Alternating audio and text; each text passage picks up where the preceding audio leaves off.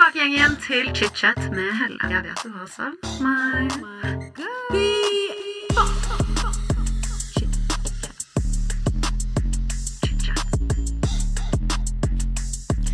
Hei dere, Helle fra ChitChat med Helle her. Og jeg ville bare si noen ord før denne episoden starter, som er del to med Hanne Martine. Det blir snakket grafisk om overgrep i denne episoden. Det kan være ubehagelig eller støtende for enkelte, så her er altså en liten trigger warning. Hvis du syns det er behagelig, kanskje du ikke burde lytte til denne episoden. Det skal sies at selv om vi snakker om et så alvorlig tema, så ble det en veldig fin episode. Og Hanne Martine nevnte også at hun følte seg trygg, og hun deler da sitt perspektiv av denne vanskelige hendelsen, i tillegg til mye annet positivt, som omhandler fremtid, arbeidsplasser, jobb, sosiale medier og, og mye annet gøy. Så det ble en, en kjempefin episode, og jeg håper dere vil like den. Hanne Martine, Ja, vi fortsetter der vi slapp. det stemmer. Og hvis du ikke har hørt eh, del én, så vil jeg anbefale deg å gå og høre episoden som ble sluppet forrige uke av ChitChat, eh, for da vil du høre ja, mye av det vi har snakket om, som handler om eh, ja, familie, privatliv og også barndommen din. Mens vi fortsetter nå der vi slapp, og du har jo nå fortalt om en veldig eh, vanskelig periode i familien deres sitt liv. Og bare for å, å avslutte det, før vi skal gå tilbake liksom, til karrieren din og livet ditt og alt det positive som finnes, så vil jeg bare spørre hvordan har moren din det i dag? Mamma har det så bra. Mamma har eh, funnet seg seriøst verdens fineste fyr. De har eh, fått seg hund, de bor i et kjempefint hus sammen. Altså sånn Jeg er bare så glad for å kunne se mamma stråle og thrive og være på topp igjen. Hun har hatt eh, post-covid eh, i armen sin, stakkars. Så hun har hatt litt vanskelighet for å løfte armen og, og litt sånn, hatt litt vanskeligheter etter korona, enten om det er vaksina eller covid. Men eh, bortsett fra det, så er alt bra med mamma, og det er ingenting som gjør meg mer glad enn det. Og det er fantastisk å høre. Ja, det gjør meg så glad. Og til alle som har det vanskelig, eh, det finnes en vei ut. Og jeg vil også bare nevne at dersom du opplever vold eller overgrep i nære relasjoner, så kan man få hjelp ved å henvende seg til vold- og overgrepslinjen på telefon 116 006. Ja. Eller ringe politiet om det skulle være alvorlig også. Ja. Det er liksom, jeg syns at det skal være veldig mye mer lavterskel å faktisk be om hjelp. Ja. Fordi du fortjener å få hjelp. Og det er mye bedre å ringe en gang for mye enn en gang for lite. Og det samme gjelder hvis du hører noe mistenkelig hos naboer, eller mange som krangler høylytt, eller du hører at det går ved stokk og stein. Spør, ring, altså hva enn, og bare sørg for at du ikke er den som eh, For altså, det drepes jo helt sinnssykt mange kvinner hvert år verden rundt. Eh, Det er jo skyhøy statistikk på det. Eh, Så jeg leste en sånn VG-artikkel om det. Mange kvinner i Norden, da, for å ta det som eksempel, som blir drept eh, hvert eneste år her i landet, i Sverige, hvor som helst, av mennene sine eller folk som kjenner dem. Så, så um, vær en god støttespiller om du snakker med noen som opplever det, og ta det på alvor. Ta det på alvor. Det er jeg så enig i. Jeg eh, har en venninne som har gått gjennom uh, Ja, det er mye psykisk vold, litt fysisk vold. Og uh, flere av våre venninner trodde ikke på det, fordi at han var så hyggelig når vi møtte henne. Så jeg sier bare tro på det. Og hvis du syns det er vanskelig å tro på, så i hvert fall gjør litt research da, før du begynner å ytre deg. Fordi ting er ofte hjemme veldig annerledes enn det kan se ut utad. Veldig sant. Veldig, veldig, veldig sant.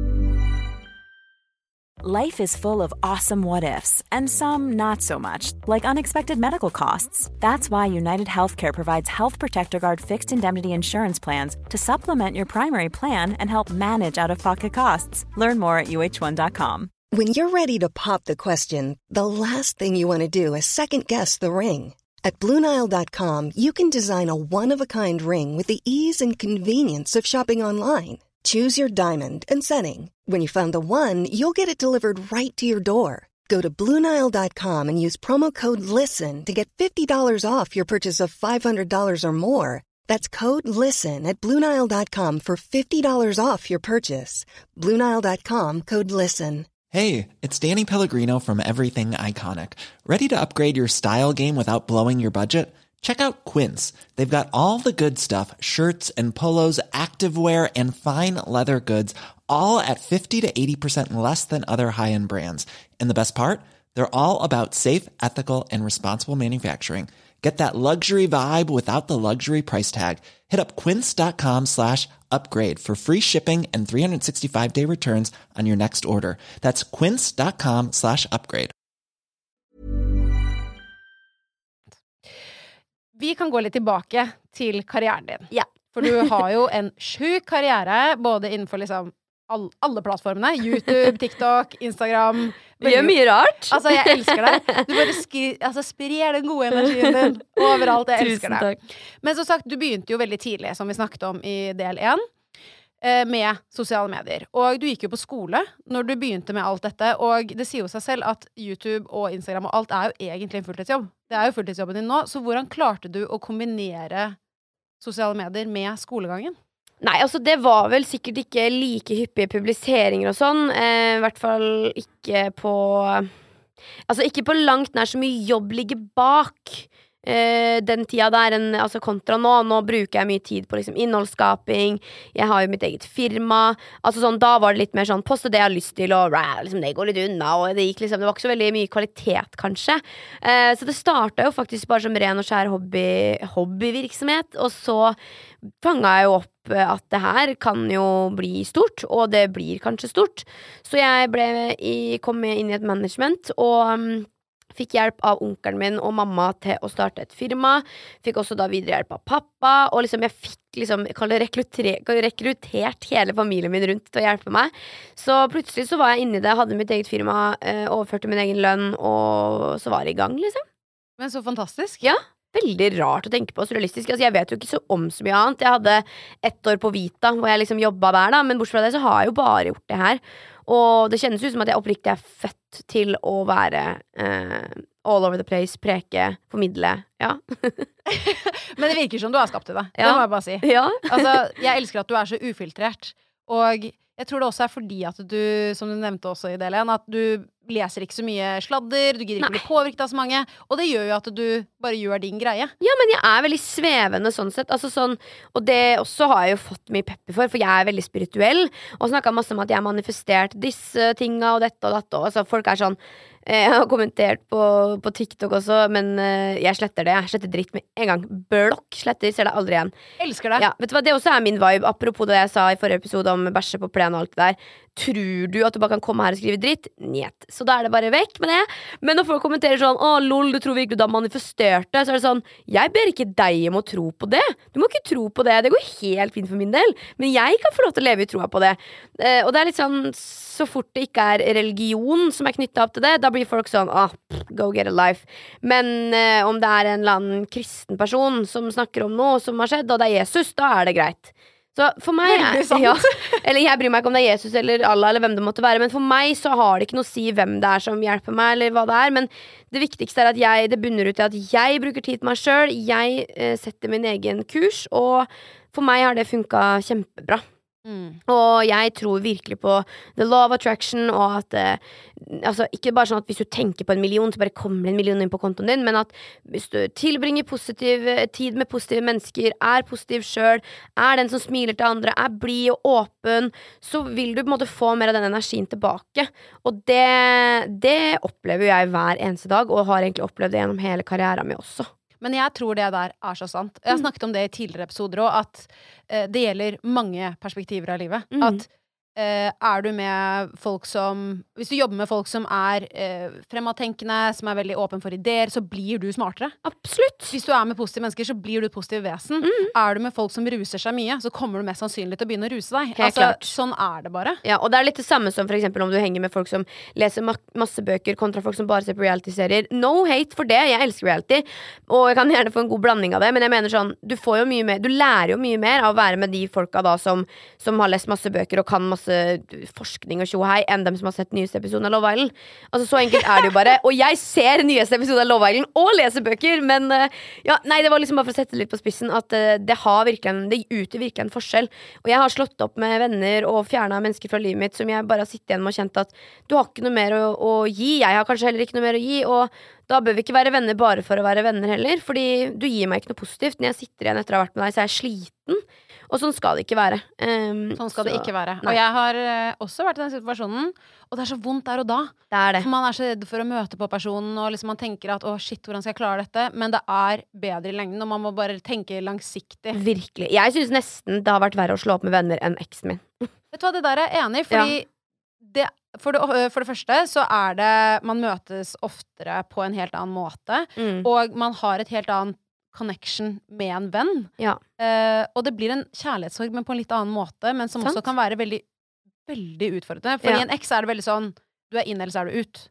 Med en venn så er det ofte veldig mye mer sånn in the middle, ja. som jeg kan synes er veldig vanskelig. Jeg har nesten følt at det, det har vært en slags dødsprosess, jeg, også. At det er sånn, du skal jo bare på en måte dø litt ut av livet mitt nå, og det er jo vondt. Det er jo en kjempesorg, men eh, samtidig så er det en større sorg å stå igjen og bare føle at man blir draina av personer. Veldig sant, ass. Det er sykt, sykt sant. Ja. Men med tanke på, på jobb eh, Du åpenbart jobber jo med media. Har du alltid visst at du ønsket å liksom bli kjent, jobbe med media, eller har det bare skjedd på en organisk måte? Altså, jeg hadde en periode hvor jeg ville bli tannlege, jeg ville bli veterinær, jeg hadde egentlig kjempelyst til å bli kirurg plutselig.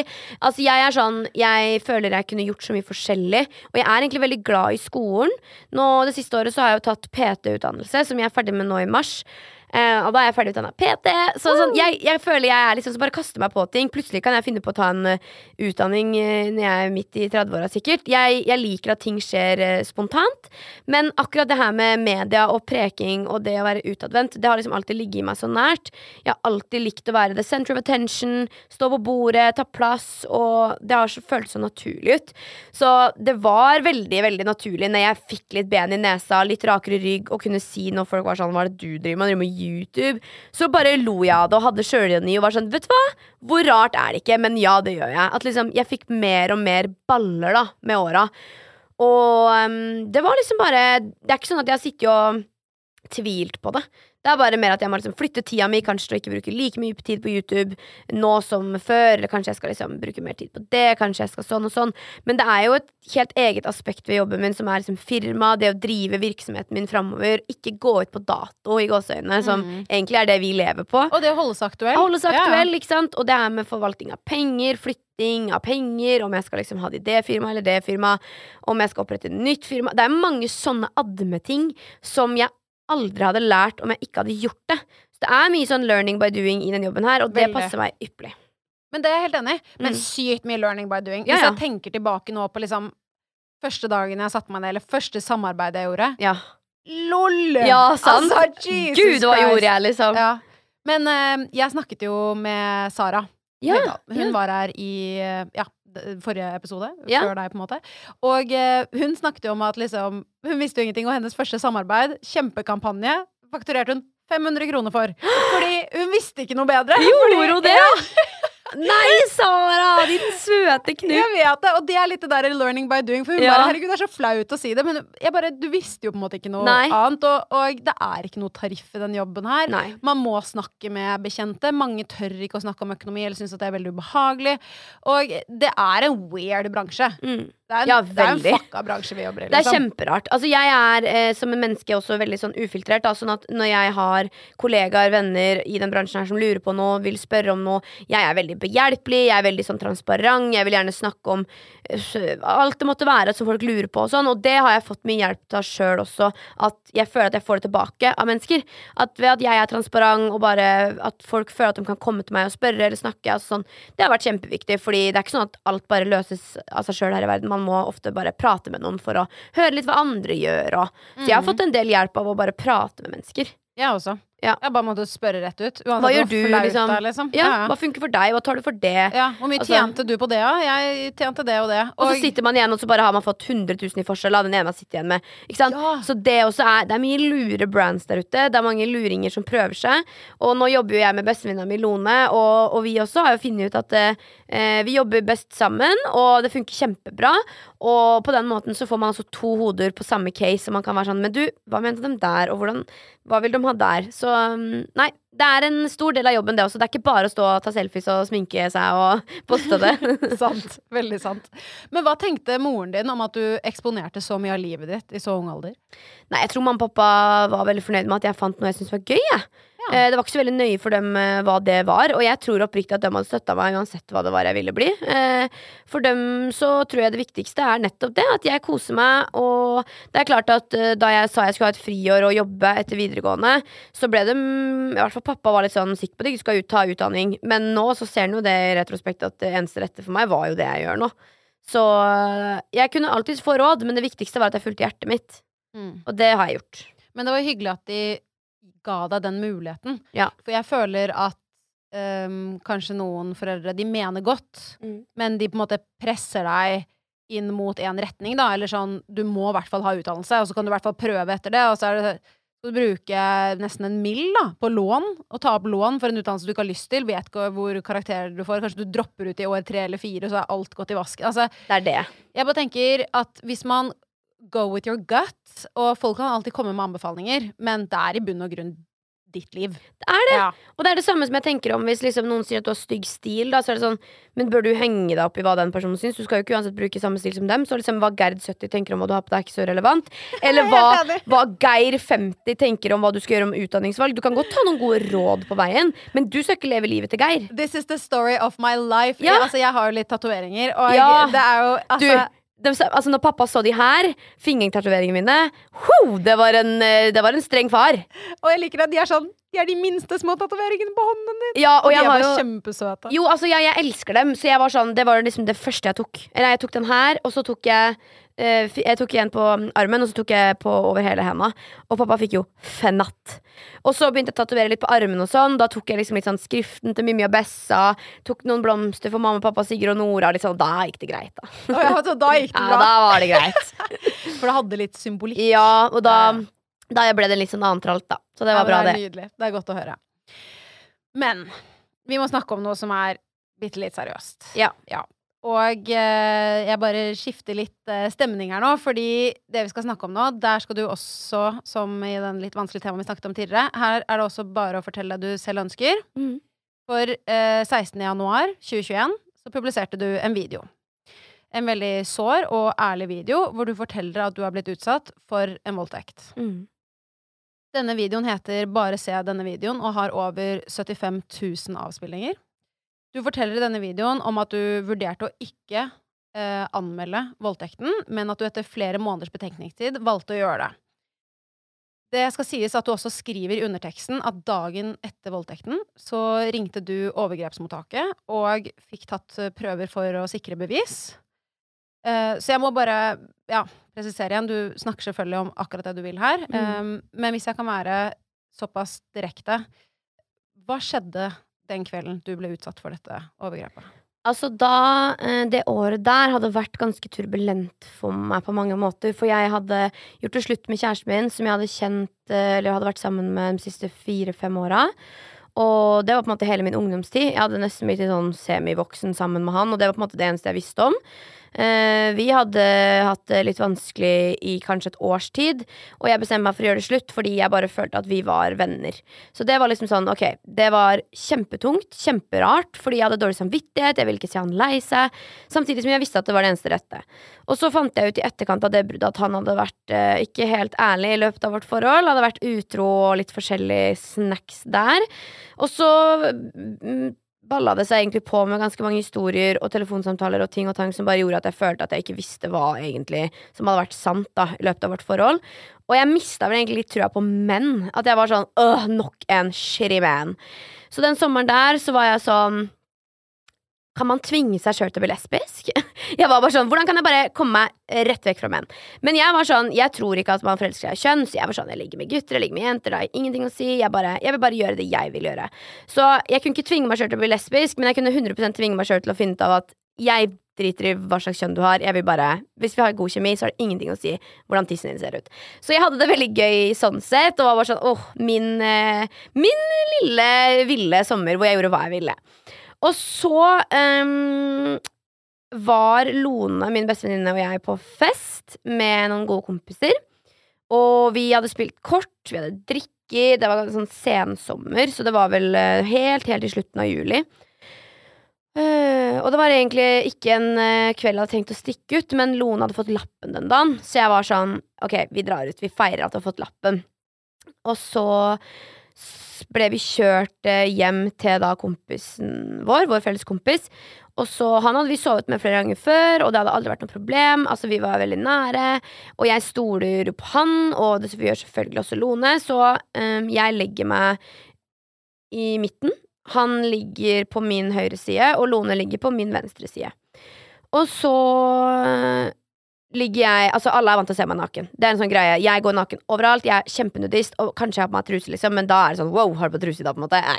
Jeg, jeg, hvert fall når jeg er hjemme alene med kjæresten min, så er jeg sånn, jeg har ikke på meg klær. Når vi får gjester, da kan jeg kle på meg, men det er ikke noe sjokker om jeg bare tar av meg toppen og skifter foran alle, på en måte.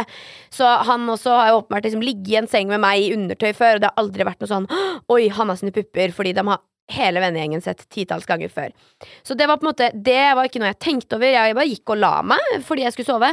Og så um, kjenner jeg da at han uh, har en erigert penis, og at den er inni meg. Det er det jeg våkner til. Jeg har sovna. Og den, det skal også sies at jeg var ikke så full den kvelden, så jeg våkna av at jeg trodde jeg hadde en drøm. Eh, og så var jeg sånn Gud, hvor er jeg? Du vet sånn når du våkner opp midt på sånn «Øh, Er jeg i senga mi, eller er jeg i rom, et romskip? Uh, og da merker jeg at uh, han er inni meg, og, eller liksom prøver. Uh, og jeg vet han, jeg merker at han bruker fingrene, han prøver å bruke penisen sin, han er liksom fram og tilbake. uh, og jeg er jo knusktørr uh, i min skjede, så jeg husker at dagen etter på overgrepsnakk så fant jeg masse skraper inni meg, da, fordi det var jo liksom umulig å komme seg inn. Ehm, og jeg fryser helt. Altså, kroppen min stivner skikkelig, og da føler jeg at det er sånn som man ser på film når folk får livet sitt i revy. Litt sånn følte jeg. Jeg kunne bare Akkurat som jeg rulla øynene tilbake og var bare sånn Alt jeg opplevde i livet mitt, kom tilbake til meg, og jeg bare Jeg måtte bare rømme fra det som skjedde, for jeg klarte ikke å gjøre noe. Og det her foregikk eh, Jeg husker jeg syntes det var vanskelig å gi en tid når vi hadde, eh, hadde over eh, Nei, hadde når jeg anmeldte det, og jeg hadde avhør, så husker jeg syntes det var litt vanskelig å liksom, tidsbegrense det på en måte til en sånn å, det en halvtime og en time. Det vet jeg ikke. Men det varte en god stund, og jeg kjente veldig lenge på at liksom Åh, kanskje han bare er for full og snart slutter og skjønner at han ikke kan behandle meg sånn her. Men han gjorde jo ikke det. Så han Han forgriper seg da på meg, og kommer, og så legger han seg til å sove. Og jeg sover jo ikke et sekund den natta der. Eh, og da ligger jo Lone på min venstre og sover også. Hun har jo sovet hele natta, åpenbart ikke våkna. Og jeg husker at jeg, jeg ville heller ikke klype borti hos hun våkna, for jeg var redd at da kunne han gjøre det samme mot hun. Så jeg tenkte at hvis jeg vekker Lone nå, hva hvis hun ser det, og at han blir sint, og at han på en måte tar hun òg? Um, Og så forferdelig. ja, det er helt Og jeg blir helt Unnskyld, jeg blir helt kvalm av den, av den situasjonen der. Ja. Det er he altså sånn, og Lone også, stakkars, har jo hatt mye dårlig samvittighet. Ikke at jeg mener at hun skal ha det, men hun har jo kjent på det sjøl. At hvordan var det jeg ikke kunne våkne opp, hvordan var det jeg kunne ja, ligge der. Men hun sover jo åpenbart inn i sin eh, gode, dype søvn.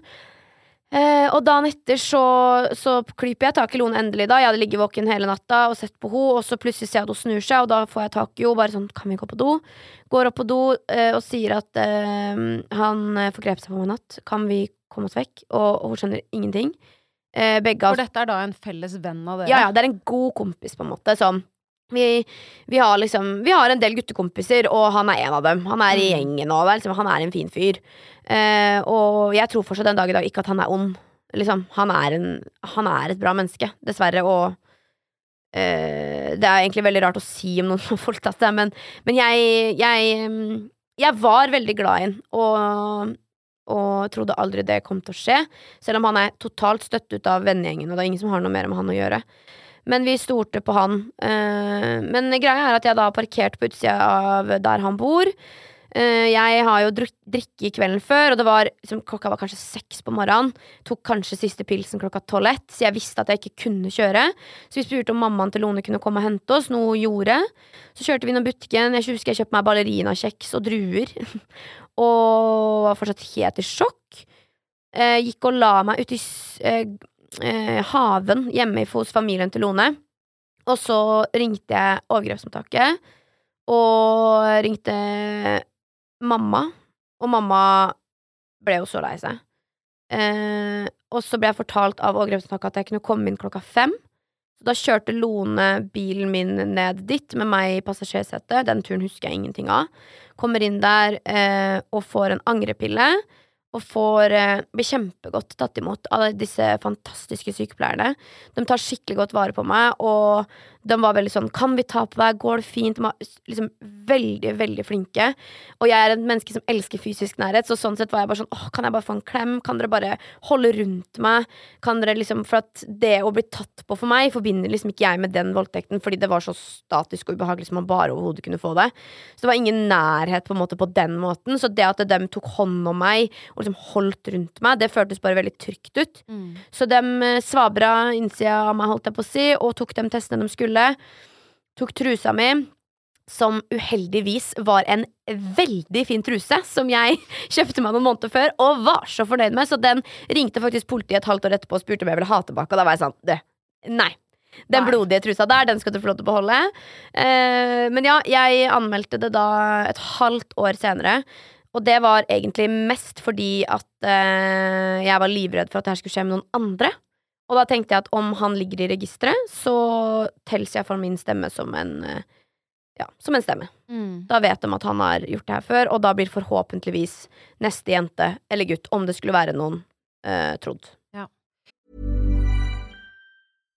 If you're looking for plump lips that last, you need to know about Juvederm lip fillers. With Juvederm Volbella XC and Juvederm Ultra XC, your lip look, whether it's subtle or bold, can last up to one full year with optimal treatment and no additional maintenance. Find a licensed specialist and see if it's right for you at juvederm.com today. That's J U V E D E R M.com. Add fullness to lips in adults over 21 with Juvederm Volbella XC or Juvederm Ultra XC. Do not use if you have severe allergies or a history of severe allergic reactions, or if you're allergic to lidocaine or the proteins used in Juvederm. Tell your doctor if you have a history of scarring or taking medicines that decrease the body's immune response or that can prolong bleeding. Common side effects include injection site redness, swelling, pain, tenderness, firmness, lumps, bumps, bruising, discoloration, or itching. As with all fillers, there's a rare risk of unintentional injection into a blood vessel, which can cause vision abnormalities, blindness, stroke, temporary scabs, or scarring. For full important safety information, visit juvederm.com.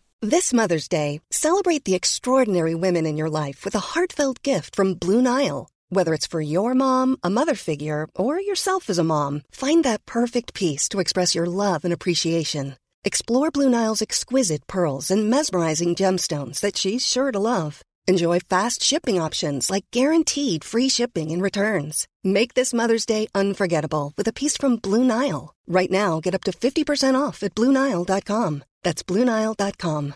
How would you like to look five years younger? In a clinical study, people that had volume added with Juvederm Voluma XC in the cheeks perceived themselves as looking five years younger at six months after treatment. Look younger, feel like you. Add volume for lift and contour in the cheeks with Juvederm Voluma XC. Reverse signs of aging by adding volume to smooth laugh lines with Juvederm Volure XC. For important safety information and to find a licensed specialist, visit juvederm.com. That's J U V E D E R M.com. Not for people with severe allergic reactions, allergies to lidocaine, or the proteins used in Juvederm. Common side effects include injection site redness, swelling, pain, tenderness, firmness, lumps, bumps, bruising, discoloration, or itching. There's a risk of unintentional injection into a blood vessel, which can cause vision abnormalities, blindness, stroke, temporary scabs, or scarring. Talk to a licensed specialist to find out if it's right for you. Jeg syns det er veldig fint. Jeg syns Ja. det er så sterkt, og så flott gjort. Ja, det var på en måte føltes ut som det eneste rette å gjøre etter litt betenkningstid. Mm. Fordi um, det var jo Jeg husker den dagen jeg fikk dommen, på en måte, at det ble henlagt. Da Da skulle jeg hente kjæresten min um, på skolen, og så hadde jeg lest det brevet rett før jeg skulle kjøre. Og da satt jeg ute i bilen og hyperventilerte, og det var helt, det var helt forferdelig. For da også igjen ble jeg liksom dratt tilbake, da. til den, den kvelden, og følelsen av å ikke bli trodd, og at det er så vanskelig å få det dømt, og at det bare er ord mot ord, og at han vet så godt hva han har gjort, men at han fortsatt sitter og prøver å redde sitt eget skinn og ræv, og bare er sånn 'Nei, jeg har ikke gjort det'. Fordi, Eh, kan jeg bare spørre, ja. benekter han det, eller har han en annen unnskyldning? Nei, altså Greia er at han benekter det til politi, men han unnskyldte seg til meg. Så at dagen etter det her skjedde, eller om det var noen dager, jeg husker ikke helt eh, på en måte ja, når det var, men om det kan ha kanskje vært en uke da, etterpå, så ringte jeg han, eller vi ringtes, og da gråt han. Og var livredd og lei seg og angra og visste veldig godt hva han hadde gjort. Og jeg sendte han også en melding, eh, husker jeg, og var sånn 'Er du klar over egentlig hva du har utsatt meg for?' Og da sa han på en måte ja. Så det, han har aldri sagt til meg at 'nei, jeg har ikke voldtatt deg'. Og enda dummere og feigere syns jeg det er da at du sitter og ljuger til politi. Men på den andre sida så kan jeg jo kanskje forstå det, fordi ja, ok, da får du kanskje aldri jobb i framtida, du må sitte noen år i fengsel, du må mest sannsynlig betale en oppreisning. Altså sånn, Det fins jo mange ledd der som han bare i gåseøyne kan kvitte seg med ved å bare ljuge. Men eh, det er jo så feigt som du får det til å bli. Det er det. Hvis du først skal utsette noen for et overgrep, så kan du faen meg stå for det òg, tenker jeg. Eller herregud, ikke, det var ikke en oppfordring til å ut- voldta noen som helst, men du skjønner hva jeg mener. Det er litt sånn, om du først skal utsette et annet menneske for et såpass stort traume, hva er det som får deg til å tro at du kan bare pingle deg av gårde og ikke stå i det? Um, og jeg husker at det, det tok meg et halvt år før jeg fortalte det til min beste kompis, som, er, som heter Alexander. Uh, for han sier jeg alt til, og sånn har det vært siden vi ble kjent på videregående. Så han, han får på en måte vite alt, og han kjenner meg ja, veldig, veldig godt. Og han eh, Jeg husker at da jeg fortalte det, så var det en veldig lang samtale hvor begge av oss var helt ute av det og øh, ble så lei oss. Fordi vi hadde på en måte ikke bare mista en venn, vi hadde mista en venn som hadde behandla meg forferdelig. Mm. Det var vondt. Ja, det var nok en sånn dødsprosess. På en måte, at det er sånn, Du kvitter deg med et menneske som du har hatt det så mye gøy med. Man har så mye fine minner med han. Eh, og eh, vi har hatt så mye fine samtaler. Han har gitt meg så mange gode råd. Vi har ledd så mye. Vi har bada, vi har kosa spist god middag. Altså, sånn, han, så, han har vært et så fint menneske i livet mitt, og så bare er det som at han har dødd. Og dratt meg med ned i dragsuget, liksom. Men det er jo som oftest en eh, person som enten står deg nær, eller som er i vennegjengen din, som utfører overgrep. Og det er veldig mange som tenker sånn Å, det sitter en fyr eh, bak en busk med en kniv og hopper over deg. Og det også skjer. Men som du sier, da, det er veldig ofte at det er et menneske du stoler på. Mm. Og det er så jævlig tragisk og vondt. Ja. Men altså, jeg mener jo at det er så eh, Altså Jeg syns jo derfor også det er veldig viktig, og når man orker å anmelde det, Ja. at det er nesten desto viktigere. Fordi det kan jo være at han da gjør det mot andre i også en vennegjeng, sånn som Ja. du tenkte. Så jeg tenker at man vet jo aldri. Um, Nei, men veldig sterkt. Og uh, hvis man orker det, som sagt, for jeg kan også veldig godt forstå at folk som har opplevd et så stort traume, ikke orker å leve gjennom det. Ja. Nei, det er eh, Du blir fratatt uh, noe når det skjer, og på mange måter så føler jeg fortsatt en liten del av meg ligger igjen i den senga. Og kanskje ikke for alltid, men i hvert fall en stund til vil være der. Altså, det, det Jeg har jo gått til terapi, jeg har gått og prata med ulike personer og gjort mye jobb sjøl, men det Det jeg er veldig glad for, er at jeg aldri har forbundet overgrepet med sex. Sånn at da jeg Jeg hadde jo møtt kjæresten min noen dager før det her skjedde. Altså min nåværende kjæreste. Jeg hadde møtt han for første gang to-tre dager før det her skjedde. Og da jeg møtte han igjen etter det, så var det han var den første jeg på en måte fortalte det til. Eh, Og da var det aldri noe tvil eller sånn, Jeg følte meg aldri utrygg med han, på en måte. Eh, og det kan også hende at det er fordi at det er han, men, men det var aldri sånn at jeg tenkte når vi hadde sex da, at det minte meg om den hendelsen. Fordi, og det er jeg så glad for, at det på en måte aldri har vært fordi jeg har jo ikke hatt sex. Jeg har jo ikke Mm. vært en del av det. Jeg har ikke følt meg delaktig i dette her som har skjedd, i det hele tatt. Så jeg, jeg føler bare at jeg, jeg har blitt utsatt for et overgrep, er utsatt for en voldtekt. That's it. Um, Men der er du heldig. ja, jeg, og det vet jeg, for det er ganske Det er ikke veldig mange som sier. Nei, for jeg har det jo hadde det jo helt annerledes. Og jeg eh, ble jo aldri utsatt for det, det fysiske delen engang. Og Nei. derfor så kan jeg bare prøve å se for meg hvor, hvor vanskelig det er å leve gjennom. Men jeg hadde et ordentlig traume og det, eh, som sagt, som jeg sa også tidligere i del én, at det påvirket meg. Jeg kunne ikke se på sex på, på film, og, og kjæresten min kunne ikke ta på meg. Altså, jeg kunne ikke få en klem, og jeg kunne ikke få noe. Men det skal også sies at han mente jo at jeg ikke kunne ha et traume når det ikke faktisk skjedde. Så, øh, og jeg sa det ikke til noen. Jeg, jeg var jo på hyttetur med noen par jenter, og de vi fikk vite om det. øh, men jeg fortalte ikke til noen andre. Og til den dag i dag så tror jeg fortsatt ikke at mamma og pappa vet det. Men det er ikke fordi jeg ikke har valgt å snakke om det. Det er bare fordi at nå har jeg prosessert det selv, og nå er det så mange år siden at jeg ikke har noe vondt. Jeg kjenner ingenting. Jeg sitter og snakker med deg om det nå, fordi tiden har leget det såret. Men på den tiden var det så reelt. Altså, jeg tror ikke jeg hadde sex med kjæresten min på kanskje et år. Og det er veldig forståelig. Ja. Har du prata med noen om det? Uh, hvem? Altså fagpersoner, på en måte? Uh, nei, Nei? faktisk ikke. Og eh, jeg har gått i terapi gjennom hele mitt liv, men akkurat det bare var for vanskelig å snakke med terapeuten om. Og uh, kunne jeg gått tilbake i tid, så hadde jeg jo selvfølgelig gjort det. Um, Istedenfor å gå rundt og bruke mange år på å prøve å heale seg selv, som jeg trodde jeg klarte. Men jeg var 18 år når det skjedde, og uh, frem til jeg var liksom i starten av 20-årene, så, så bare ja, prøvde jeg å cope på e- egen hånd. Eh, men jeg ble jo gift i starten av 20-årene, og da var det ikke reelt i det hele tatt. Da var, da var det bra. Da husker jeg når jeg møtte eksmannen min, så var jeg sånn OK, nå har jeg det veldig, veldig flott. Nå har jeg det kjempefint. Tenkte ikke på det et sekund. Men det tok meg mange år, altså. Og den prosessen kunne sikkert gått mye fortere hvis jeg hadde giddet å tatt tele telefon og eller for eksempel ringe bare alle disse hjelpenumrene. Ja. ja. fordi det visste jeg ikke, helt Nei. ærlig, at det eksisterte engang. At jeg kunne ringe noen. Jeg trodde bare at man måtte gå til en psykolog du hadde fått av staten. Ja. Eh, Og Det, tror jeg det er mange som ikke vet om, altså. Ja. Og det, det var liksom desto viktigere for meg når jeg faktisk skulle være åpen om det offentlige og faktisk si det. At det fins hjelp, og det fins mange forskjellige grader av overgrep og Mm. seksuelt misbruk. Og altså sånn, det må ikke være penis inni vagina. Det kan være, altså, det kan være så mye mer. Mm. Så vær så snill om du blir utsatt for det, eh, eller om du har blitt utsatt for det. Jeg hadde en venninne som har blitt utsatt for det som, for ti år siden, som snakka om det først nå. Og vurderte å anmelde det nå.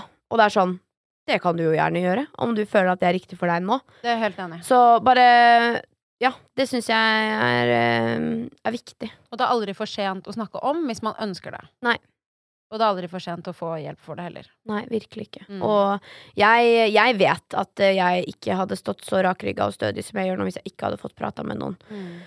Og um, apropos liksom det jeg sa tidligere om at liksom, åh, jeg ville liksom bare jeg, var, jeg hadde så hat mot menn. Det var, sånn, det, var, det var dråpen for meg, følte jeg. Og jeg føler det sånn den dag i dag, at, at kjæresten min på en måte er sånn Jeg tenker jo åpenbart at jeg skal være sammen med han for alltid, men om han hadde på en måte dratt en sånn Yes, jeg var også utro i fem år, og funnet ut Altså sånn Jeg hadde aldri data en mann igjen. Aldri. Og det er sånn, Man kan ikke si aldri og alltid og tjo og hei, men, men det er bare Da er det et eller annet ja, nei. Da er det et eller annet som ikke stemmer med meg og menn, altså. Og det, det har jeg tulla med kjæresten min om òg, liksom sånn Du er den som kan vippe meg av pinnen til at det er sånn Jeg flytter til Hawaii og bare setter Tinderen min på bare damer for alltid og ser aldri meg tilbake, liksom. Og mm, jeg tror ikke at det kommer til å noen gang eh, skje, men eh, han eh, Men jeg forstår det. ja, du skjønner hva jeg Ja, jeg mener. skjønner det Essensen av det er sånn Altså, jeg føler at når jeg har vært med jenter også, så er det bare sånn Man har man har en uh, mye mer sånn linka hjerne på mange måter. Man, tenk, man har liksom litt mer, mer sånn likt følelsesliv. Og det var det jeg var så redd for at jeg aldri skulle finne igjen mann, da, på en måte. Eller at det bare skulle være negative assosiasjoner med menn. Og det er jo det kjæresten min på mange måter utrolig nok har klart å snu om. At jeg tenker nå at liksom Han er virkelig min sjelevenn, og så nære jeg kan komme en gutteversjon av meg sjæl. Og det er rart. Men det er så fantastisk, fordi du har jo hatt en track record med menn som er ganske forferdelig. Ja. Fra moren din og hennes ekskjæreste til da denne voldtekten, og at du fant ut at kjæresten din gjennom fem år hadde vært notorisk utro. Ja. Altså, dette er jo tre hendelser som er veldig definerende. Så, så jeg skjønner jo selvfølgelig, selvfølgelig det. Men det skal jo sies at du har jo fått deg en kjæreste nå, Ja. som er, virker helt fantastisk. ja, han er veldig fin, altså. Men du har jo valgt å holde han litt unna Mm. eh, offentligheten. Ja. Eh, for ditt forrige forhold, som du var i i fem år, det var jo veldig offentlig. Ja. Veldig mye på YouTube, og veldig deres liv. Og liksom, vi går og handler middag og taco, liksom. Det var veldig hverdagslivet, mye hele tiden. Mm. Men hva er hovedgrunnen til at du har valgt å holde dette forholdet mer skjult? Altså Hovedgrunnen er uh, at han ytra det jeg ønsker sjøl, så det var det viktigste for meg. Uh, men jeg tror at om han hadde sagt til meg sånn Nei, jeg vil være offentlig, så hadde vi aldri data det, på en måte. Fordi Eller, ja, vi hadde data om han ikke hadde brydd seg om ansiktet hans syns på Instagram, men om han var en clout chaser som ville bli kjent, så hadde vi jo aldri hatt noe til felles. på en måte. Men han var veldig klar på fra start at han respekterte jobben min. Han var veldig godt kjent med Amalie Olsen, som også er en veldig nær venninne av meg, så, så hun på en måte godkjente han i gåseøynene for meg. Jeg var sånn he's a good guy. Hvorfor har jeg ikke matcha dere før? Og da stolte jeg sånn på at hun likte den, og da tenkte jeg bare sånn ok, det her blir bra. Han skjønner hvem jeg er, på en måte. Det er så sykt nice når man får på en måte en Ja. godkjenning av en venninne, fordi da er du sånn fordi når man bare skal begynne å date og dra på en Tinder-date Du vet ingenting om personer som oftest. Sant? Jeg tror Ja, kanskje ja. ikke jeg hadde møtt den, fordi vi møttes på Tinder, nemlig. Ja. Vi matcha på Tinder, og jeg tror ikke at jeg hadde dratt på Tinder-date med han om ikke det hadde vært for at Amalie sa at han var en skikkelig fin fyr, og hun bare sånn Han har ingen red flags, han er ikke en dårlig Altså, han er liksom gjengens uh, fine fyr, alltid blid, alltid morsom, alltid respekt for jenter, og jeg bare sånn OK. Men det er så viktig. Mm. Og det er skikkelig skikkelig hyggelig. Jeg reconnectet jo også med min kjæreste gjennom Tinder. Ja. Vi er fra samme Altså vokste opp liksom i samme oh, ja. miljø. Ja. Uh, så jeg har kjent henne siden jeg var 13. Og uh, det også hadde sykt mye å si for meg. At det, jeg husker fra når vi var unge, at han alltid har vært respektfull overfor kvinner. Ja. Helt siden vi var drittunger, og vi fant på mye dritt når vi var små. Men Ja. han var i hvert fall alltid grei. Han var alltid den som bare eh, fikk en taxi tak i en jente hvis hun var full, Ja. liksom, og bare dyttet henne inn, og så dro på fest, liksom. Men bare at, at du har et syn på verden som er respektfullt for begge kjønn, og at du bare er grei med de rundt deg. Det er så sexy, det. Det Det er det det, er faktisk, det, det er faktisk det hotteste. Og det var også det første jeg skjønte. Bare sånn, ok Du er snill mot eldre, du er snill mot barn, du er snill mot dyr, du snakker fint til familien din. Du er bare en decent, bra guy. Altså sånn Bra guy, faktisk. Bra fyr. Da har du meg. Jeg skulle ikke mer til. Og så var det selvfølgelig veldig mange andre fine kvaliteter også, som bare ble liksom krydderet på kaka, holdt jeg på å si. Og jeg blei så forelska. Og det gjorde meg livredd. Jeg husker jeg sa til mamma jeg bare, nei, nei, nei, nei, jeg kan ikke spørre om å bli kjærester. Det var til slutt jeg som gjorde det, for jeg har alltid vært en sånn som har drømt om å fri. Men han har veldig lyst til det, så da er jeg sånn, ok, fair enough, da skal i hvert fall jeg spørre om å bli kjærester. Så da husker jeg at eh, jeg hadde snakka med mamma om det, og bare det lyser forelskelse av deg. Og jeg bare nei. Men, men Nei, jeg skjønner ikke hva du mener. Nei, hva mener du? Og så hadde jeg liksom hengt med han fast et halvt år og vært kjempeforelska. Så nei, jeg spurte han om han ville bli kjæresten min på nyttårsaften. Det ja, nyttårsaften i 2020. Ja. Så da, da var det på en måte bare oss to, da. Å, det er så fint. Mm. Jeg er så glad for at du har funnet det. Fortjener det skikkelig. Dette, alt det drittet du har gått Ja. Det er så søtt si når folk skriver det. Og sånn 'Å, jeg har fulgt deg så lenge, og du fortjener virkelig han du er sammen med nå'. Altså sånn. det, og det er sånn jeg føler ofte at man kan tenke at det man ser på sosiale medier, er liksom en polert sannhet. Men vi har det virkelig så bra. Altså sånn jeg, jeg kjenner på en sånn enorm takknemlighet. Jeg snakka med henne om det i går. At i morgen på, så har vi booka inn at vi skal liksom ha sånn vision board-kveld. Hvor vi skal liksom manifestere og sette opp vision boards og drikke vin. Og det er hans initiativ. For at han har lært å kjenne meg så godt og vet at det er liksom metoder jeg bruker for å drømme og visualisere. ikke sant? Så han skrev bare sånn ok, onsdag holder vi av. Da skal du og jeg spise god middag, drikke vin, og skal bare du og jeg sitte sammen og kose oss. Sånn. Vi er så like, og vi har det så utrolig bra sammen. Og jeg står så trygt i liksom kommunikasjon, i sexlivet vårt, i hverdagslivet vårt, i alt. Jeg føler sånn at det er ingenting som er flaut med en, det er ingenting jeg ikke kan gjøre med en. Og jeg er så stolt over den. Så det er liksom paradoks også at jeg ikke viser den på sosiale medier, fordi aller helst så vil jeg bare komme med alle detaljer om hans liv, og alle skulle få lov til å kjenne et så bra menneske.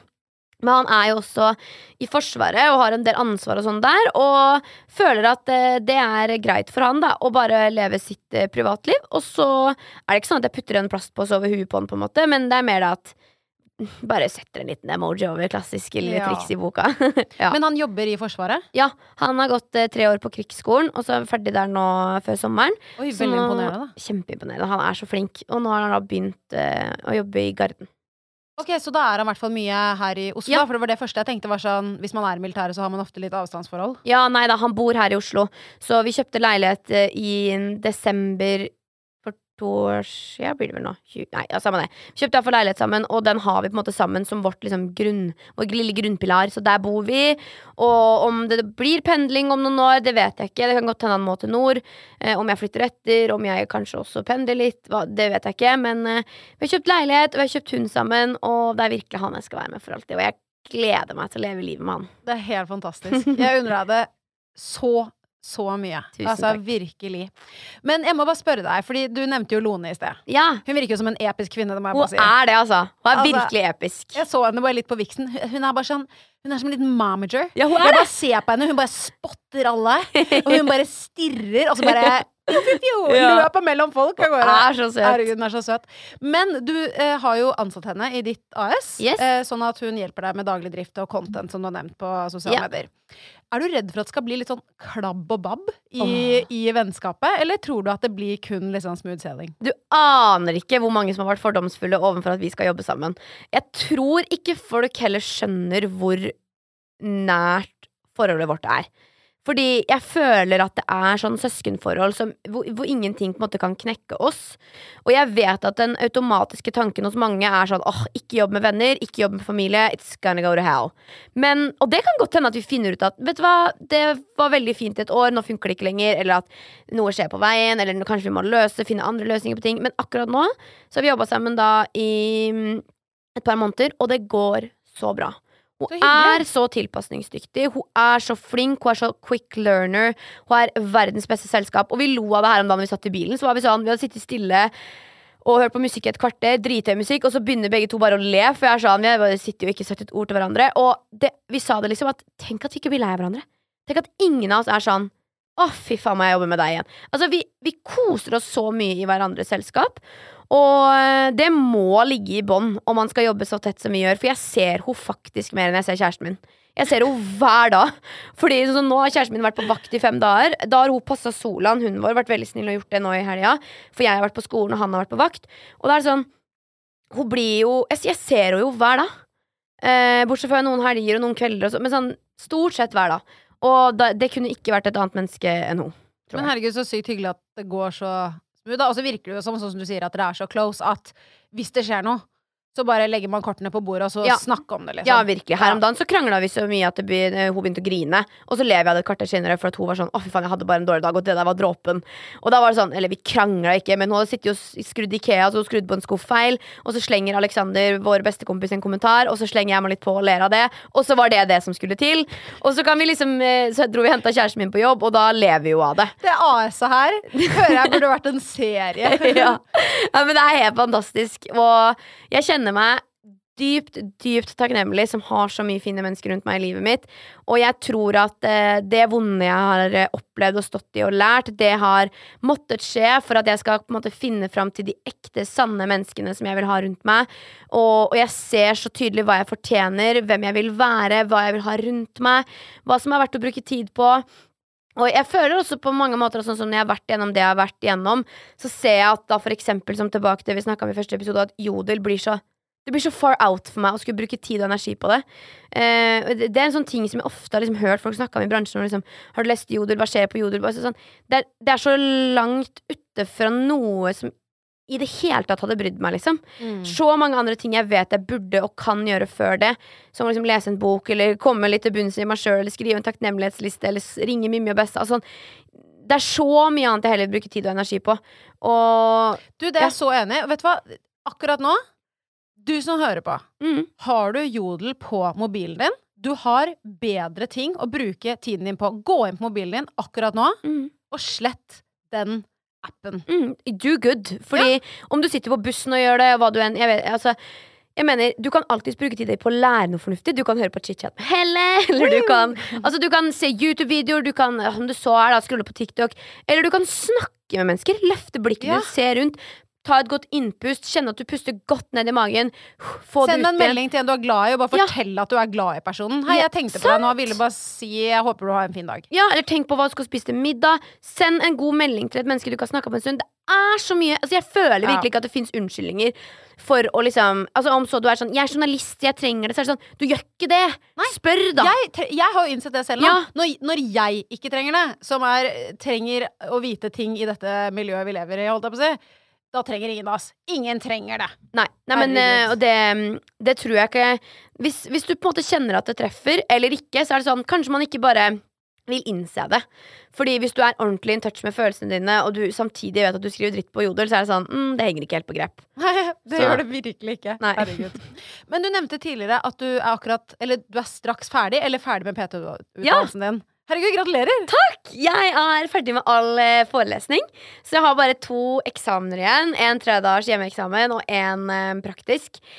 Og jeg er så gira. Jeg gleder meg så fælt. Og eh, jeg gleder meg så mye til å spre kunnskapen jeg så sårt en gang trengte sjøl, til andre. Hi, I'm Daniel, founder of Pretty Litter. Cats and cat owners deserve better than any old fashioned litter. That's why I teamed up with scientists and veterinarians to create Pretty Litter. Its innovative crystal formula has superior odor control and weighs up to 80% less than clay litter. Pretty Litter even monitors health by changing colors to help detect early signs of potential illness. It's the world's smartest kitty litter. Go to prettylitter.com and use code ACAST for 20% off your first order and a free cat toy. Terms and conditions apply. See site for details. Planning for your next trip?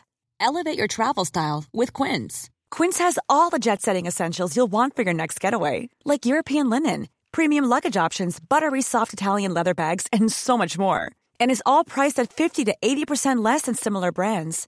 Plus, Quince only works with factories that use safe and ethical manufacturing practices.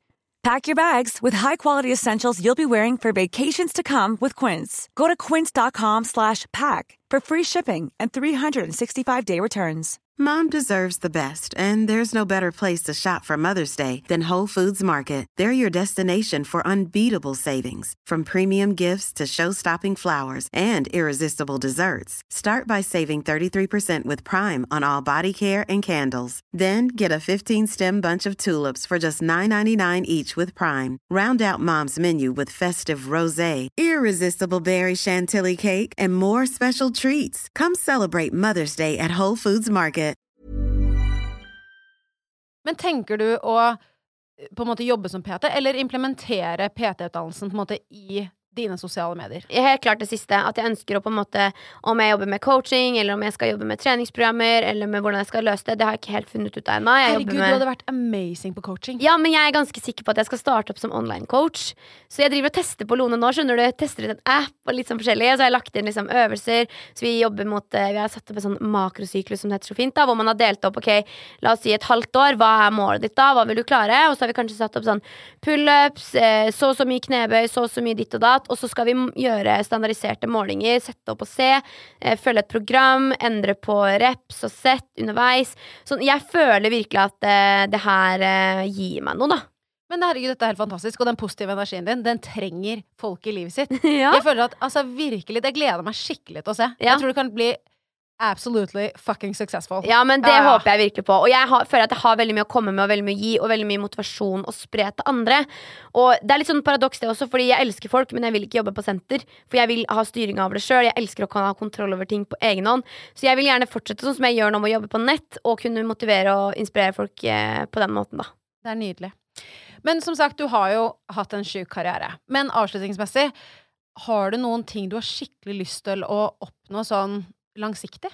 At jeg skal skape flere firmaer, og jeg skal skape arbeidsplasser.